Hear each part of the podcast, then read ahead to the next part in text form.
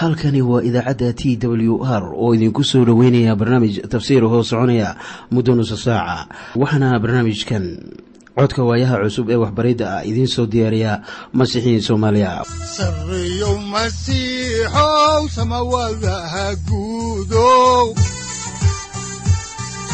Siraadki adduunkow subanaha eebow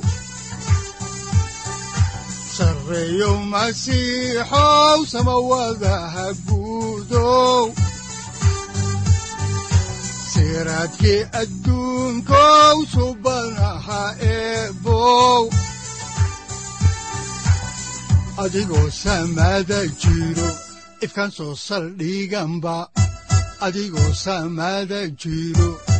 soo saldhiganba kutubtiisanaaye wuxunogu saaciiday sharxin sifahaaga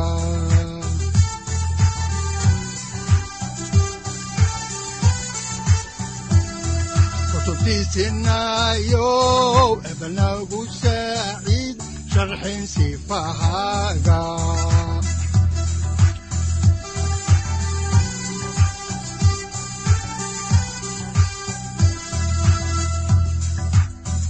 satirow ilaahow adanku su'aalne satirow ilaahow adanku su'aalne safarka kulibana samaha masiixoon sabilahaynaga ku soo dhowaada dhegaystayaal barnaamijkeenna dhammaantiinba waxaan horay u sii ambaqaadi doonaa daraasaadkii la magac baxay baibalka dhammaantii. Waxaanu caawiya idiin bilaabi doonaa cutubka saddex iyo labaatanaad ee injiilka sida luuka hoose qoray.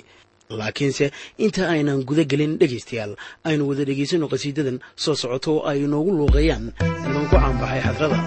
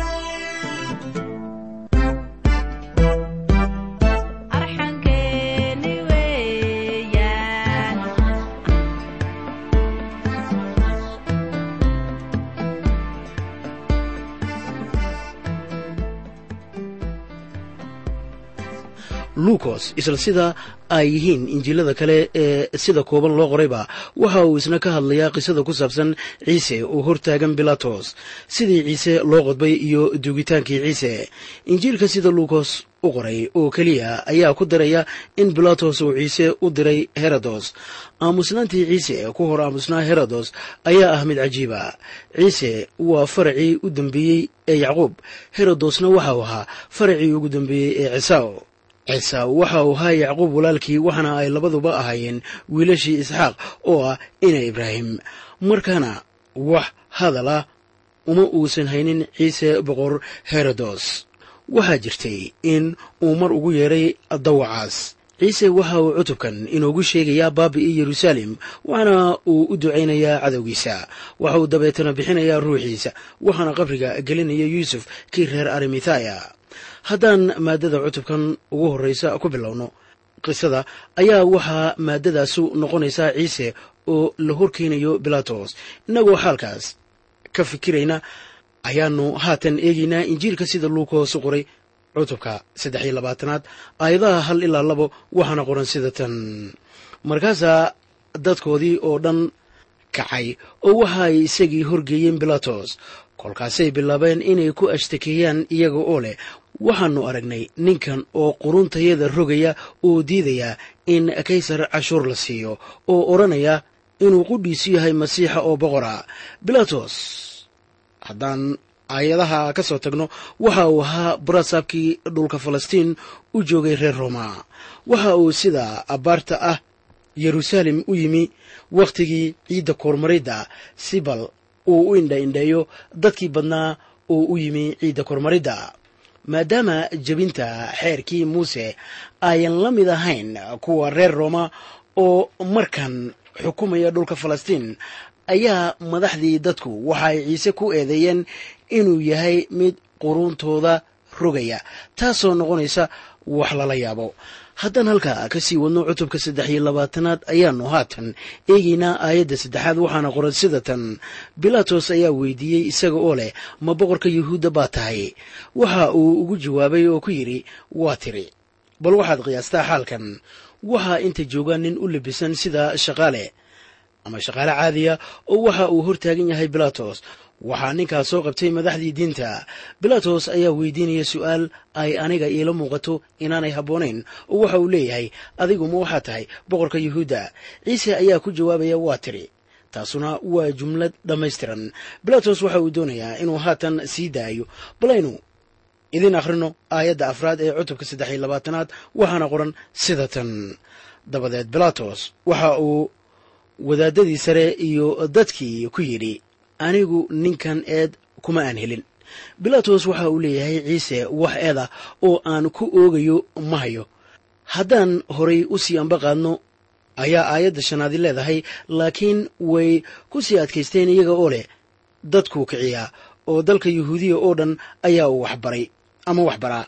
Dalka galilei ayaa uu ka soo bilaabay ilaa halkan haddaan horay u sii ambaqaadno injiilka sida luukos u qoray cutubka saddex iyo labaatanaad aayadaha lix ilaa toddoba ayaa waxaa qoran sida tan.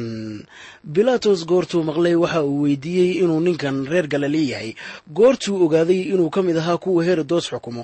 Waxa uu u diray herodos kan qudhiisuu yeruusaalem joogay wakhtigaas bilatos waxa uu doonayey inuu ka saaro qoolka maadaama galilei ay hoos timaado xukunka herodos oo isaga qudhiisu jooga yeruusaalem wakhtigan ayaa bilatos haatan ciise u dirayaa inuu u tago. Marka aniga ilama ahan inay tahay umuur lama filaan ah in herodos haatan joogo yeruusaalem haddaan horay u sii ambaqaadno injiilka sida luuka hoos u qoray cutubka saddex iyo labaatanaad aayadda sideedaad ayaa waxaa qoran sida tan. Herodos goortuu ciise arkay aad buu u farxay maxaa yeelay ilaa wakhti dheer ayaa uu doonayay inuu arko. Waayo waxbuu ka maqlay oo waxa uu rajaynayay inuu calaamo ka arko ka hor wakhtigan ayaa ciise u sheegay in farisiintu ay farriin u diraan herodos. Markaasoo uu lahaa sida ku qoran injiilka sida luuka u qoray cutubka saddex iyo tobnaad aayadda soddon iyo labaad idinku u taga dawacaas oo u sheega bal eeg maanta iyo berriba ayaan jinniyo saarayaa oo dad bogsiinayaa maalinta saddexaadna ayaan kaamilmayaa marka waxyaabihii herodos ka maqlay ciise ayaa kordhay waxaana uu doonayey inuu arko isaga. Haddaan horey u sii ambaqaadno injiilka sida luukaos u qoray cutubka saddex iyo labaatanaad. Aayaddiisa sagaalaad ayaa waxaa qoran sida tan. Markaasuu su'aalo badan weydiiyey laakiin waxba uma uu jawaabin. Sayidku hal hadal keliya ayaa uu u hayay boqor horodos waxaana uu ahaa kaasu in boqor horodos ahaa dawac. Wuxuu dhaafay heerkii toobadda waxaana uu ka sii socdaa ama ku sii socdaa baadinimo weligeeda. Waxa uu xubin ka yahay qoyska qaska iyo qalalaasaha badan ee herodos oo sayidkeennu innaba iskuma taxluujin in uu waxu sheego. Haddaan horey u sii ambaqaadno ayaa waxaa ku qoran cutubka saddex iyo labaatanaad aayadaha toban ilaa labaiyo toban sida tan. Wadaadadii sare iyo culimmadii ayaa istaagay oo aad iyo aad bay u ashtakeeyeen. Herodos ayaa fududaystay oo ku majaajilooday isaga iyo askartiisiiba oo intuu dhar dhaldhalaalaya u geliyey ayaa uu bilatos u celiyey. Maalintaas qudheeda herodos iyo bilatos saaxiibo bay noqdeen. Intii ka horraysay si cadaawo bay isku ahaayeen. Miyaadan arkaynin in madaxdii diinta ay dhan waliba u ruuclaynayaan si ay herodos uga dhigaan in ciise uu u arko mid eedaysana ah herodos waxa uu arkay inaanu meelna la gaaraynin ciise ama waxa uu weydiinayo aan looga jawaabaynin. Markaana isaga iyo askartiisaba waxa ay goosteen in ay ku majaajiloodaan ciise. Waxaa loo geliyey dhaldhalaalaya iyaga oo leh waa boqor ninkanu oo ku majaajiloonaya. Maadaama ayan jirin wax kale oo herodos samayn kari lahaa waxa uu goostay inuu ciise ku celiyo bilatos waxaa halkan ka bilaabanaya dhaqdhaqaaq. Ka hor intaanay dhibaatadan ciise bannaanka imanin herodos iyo bilatos col bay ahaayeen. Haatanse way isku yimaadeen oo labaduba waxa ay ka soo hor jeedaan ciise. Haddaan horay idinku sii ambaqaadno injiilka sida luuka hoosu qoray cutubka saddex iyo labaatanaad aayadaha saddex iyo toban ilaa shan iyo toban ayaa waxaa qoran dhegaystayaal sida tan. Bilatos ayaa isugu yeedhay wadaadadii sare iyo taliyayaashii iyo dadkii markaasuu waxa uu ku yidhi ninkan waxaad iigu keenteen sidii mid dadka rogaya. Balogada hortiinna ayaan wax ku weydiiyey oo ninkan kuma aan helin eed ku saabsan waxaad ku ashtakaynaysaan herodos kuma uu helin wuuna noo soo celiyey oo ma jiro wax dhimasho istaahila oo uu sameeyey. Bilatos waxa uu dareemay in ayan jirin wax kale ee uu ku eedayn karo ciise herodosna waxba kuma samaynin laakiinse wuu ku majaajilooday oo intuu dhar dhaldhalaaliya u geliyey ayaa uu ku celiyey bilatos markaana ma uusan samayn wax istaahila in la eedeeyo ama dacwad lagu ogo haddaan horay u sii ambaqaadno injiilka sida luuka hoosu qoray cutubka saddex iyo labaatanaad aayadaha ama aayadda aan idhaahdee lix iyo tobnaad ayaa waxaa qoran sida tan. Taas aawadeed waan edbinayaa oo sii daynayaa sidaa ayaa uu haatan leeyahay bilatos marka ay sidaa tahayna ayaanay taasu hagaagsanayn ciise haddii uu dembiile yahay waa in dembiyadiisii loo ciqaabaa. Haddii uu yahay ninaan eed lahaynna waa in la sii daayaa. In la edbiyo oo la sii daayo waa arrin heshiis cid kale lagula gaaray. Haddaan horay u sii wadno kitaabka ayaa haatan aanu eegaynaa injiilka sida luukaas u qoray cutubka saddex iyo labaatanaad aayadaha toddoba iyo toban ilaa lix iyo labaatan waxaana qoran sida tan waayo waajib bay ahayd in uu iidda mid u sii daayo iyaga markaasay wada qayliyeen iyaga oo leh wadkan barabas noo sii daa kan xabsiga loogu riday fallagaduu magaalada ka riday iyo dilidii aawadeed mar kale bilatos ayaa iyaga la hadlay isaga oo doonaya inuu ciise sii daayo laakiin way qayliyeen iyaga oo leh isku tallaabta ku qodob isku tallaabta ku qodob. Markaasuu wuxuu kolkii saddexaad ku yidhi waayo waa maxay? Sharka kanu sameeyey. Kuma aan helin sabab lagu dilo taas aawadeed waan edbinayaa oo sii daynayaa laakiin cod weyn ayaa ay ku adkaysteen iyaga oo weydiinaya in isku tallaabta lagu qodbo.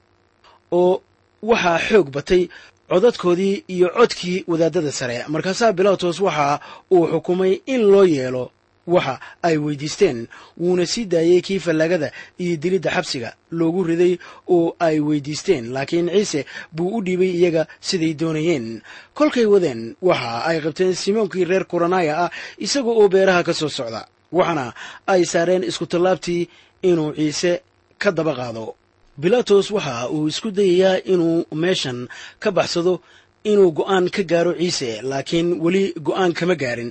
Markaana faallo taxadar ah oo ka timi dhanka bilaatos marka maxkamaddu bilaabato ayaa muujinaysa in uu isagu maxkamad saaran yahay ciisena yahay xaakinka. Ciise isku dayi maayo inuu baxsado laakiin bilaatos ayaa isku dayaya inuu baxsado. Bilatos waxa uu isku dayayaa in uu ka baxsado dabinnada madaxdii diinta ee siyaasadda ku adkaa markaasuu bilaabay inuu kala doronsiiyo ama kala doorinsiiyo kan loo daynayo isaga oo leh ma waxaa laydiin daynayaa barabbas mise ciise isagu wuu garanayey kan ay dooran doonaan oo waxa uu dareemi karay inay odhanayaan ciise ha la dilo cadowtinimadii ay u hayeen aawadeed. Bilatos maanu garanaynin sida ay uga fogaadeen dhanka diinta. Matayos ayaa inoo sheegaya in wadaadadii sare iyo duqaydii ay ku khasbeen dadkii badnaa inay barabas weydiistaan in la sii daayo. Bilatos aad buu ula fajacay dadkii badnaa oo doonaya in barabas la sii daayo. Waxaad qiyaastaan xaakin dadka weydiinaya go'aankooda. Wax qof maxkamad saaran laga yeelayo waxa uu goostay in ciise yahay midaan waxba galabsan. Welibana waxa uu doonayaa in la qodbo. War maxay taasu tahay cadaaladii reer rooma lagu yaqiinay? Bilatos ugu dambaystii go'aan buu gaaray oo qof walibana go'aan caynkan ah oo kale ah in uu gaari lahaa ayaa iska xaqiiqa haddii xaalka caynkaas oo kale ah la hor keeno. Haddii adiga lagu weydiiyo sidee baad go'aan uga gaari lahayd ninka caynkaas oo kalea bal maxaad odhan lahayd haatanna ciise waxa uu sii sheegayaa baaba'a yeruusaalem wuuna u ducaynayaa kuwii cadowga ku ahaa. Haddaan horay idinku sii ambaqaadno injiilka sida luuka hoose qoray cutubka saddex iyo labaatanaad aayadaha toddobiyo labaatan ilaa soddon ayaa waxaa qoran sida tan.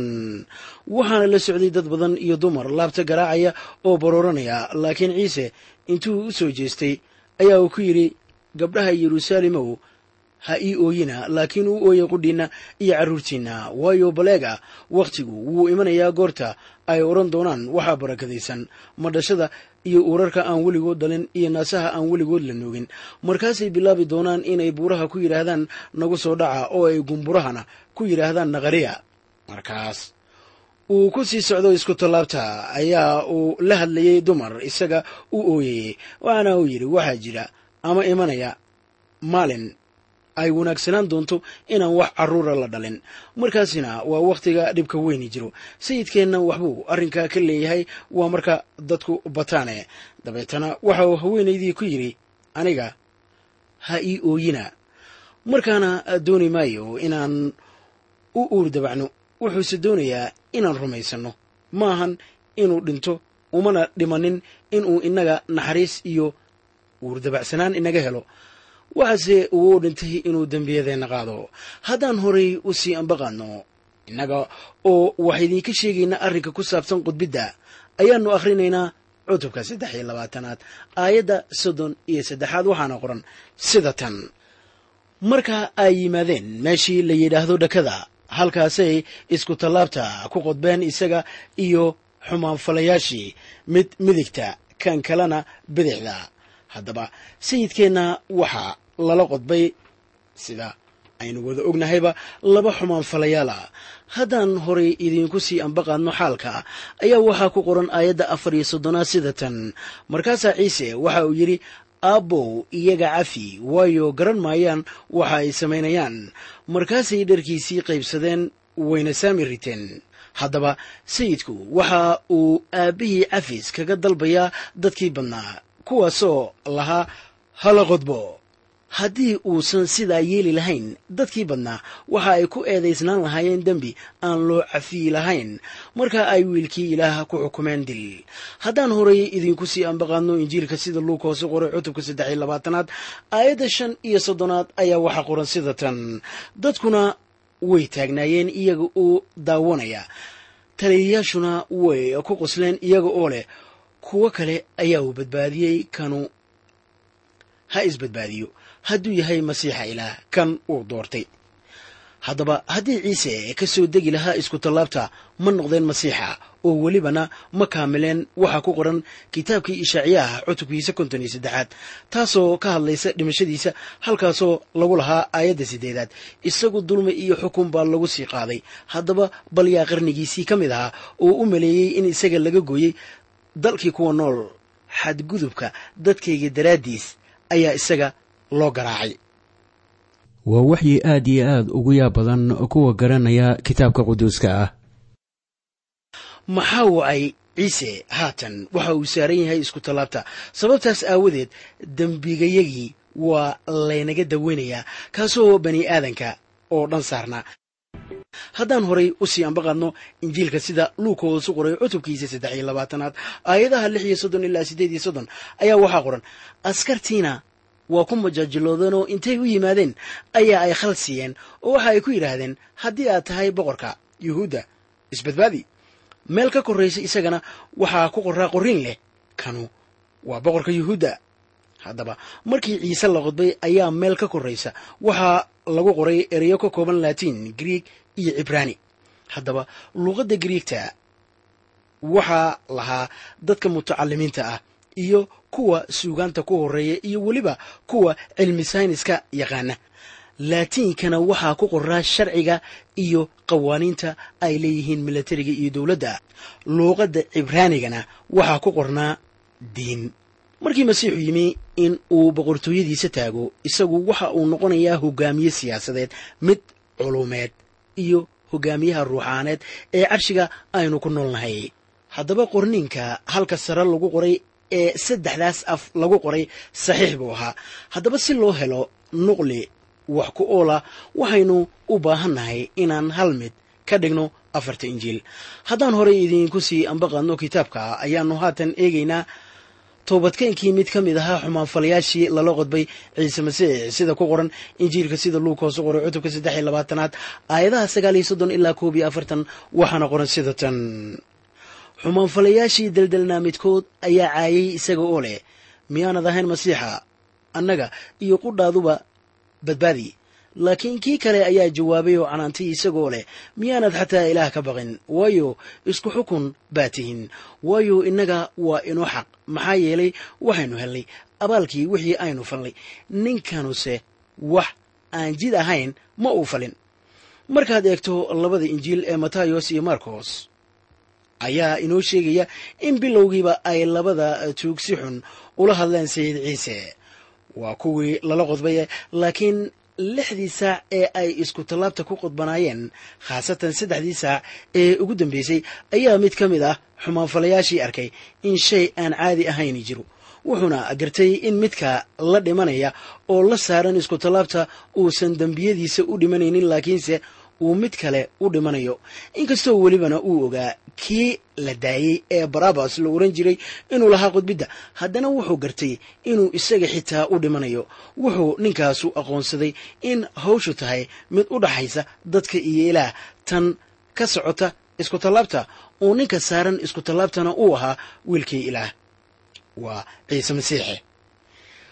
Markaasuu rumaystay haddaan horay idiinku sii wadno injiilka ayaannu haatan eegaynaa cutubka saddex iyo labaatanaad aayadaha labaiyo afartan ilaa saddex iyo afartan waxaana qoran sida tan. Markaasuu ku yidhi ciisow ixusuuso goortaad boqortooyadaada ku timaaddo. Wuxuu ku yidhi runtii waxaan kugu leeyahay maanta firdowska ayaad igula jiri doontaa. Weliga ballan noocaas camala ma heshay haddii aad u soo noqoto ciise masiix bilxaqiiqa ballanka adiguna waad leedahay waayo innagu oo dhan waxaannu ku dhimannay xumaatooyinkayaga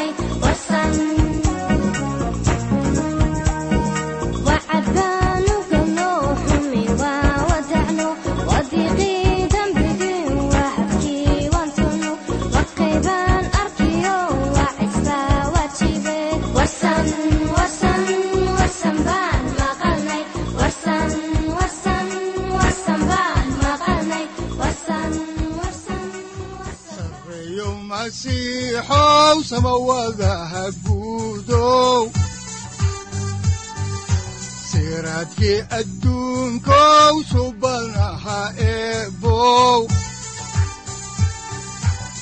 adigoo samada jiro ifkan soo saldhiganba adigoo samada jiro ifkan soo saldhiganba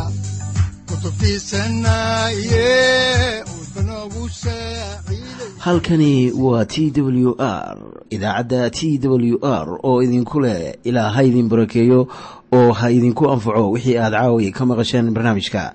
Waxaa barnaamijkan oo kalaa aad ka maqli doontaan habeen dambe.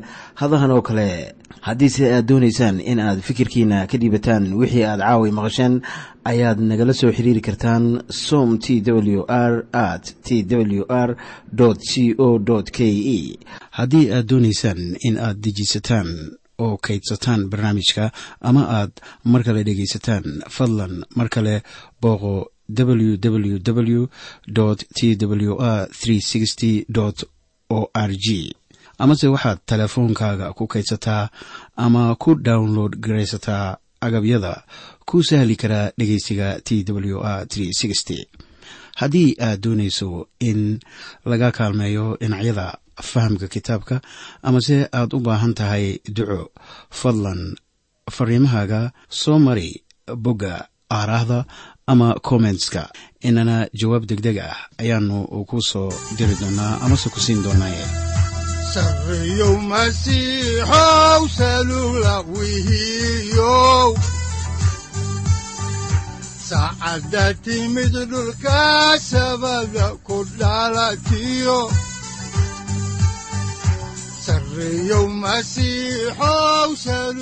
halkani waa t w r oo idiin rajaynaya habeen baraare iyo barwaaqaba leh inta aynu ka gaari doono wakhti aynu ku kulanno barnaamij la mida kan caawayay aad maqasheen. Waxa aan idinku leeyahay nabadda ciise masiix ha idinku badato xagga jidhka iyo ruuxaba. Aamiin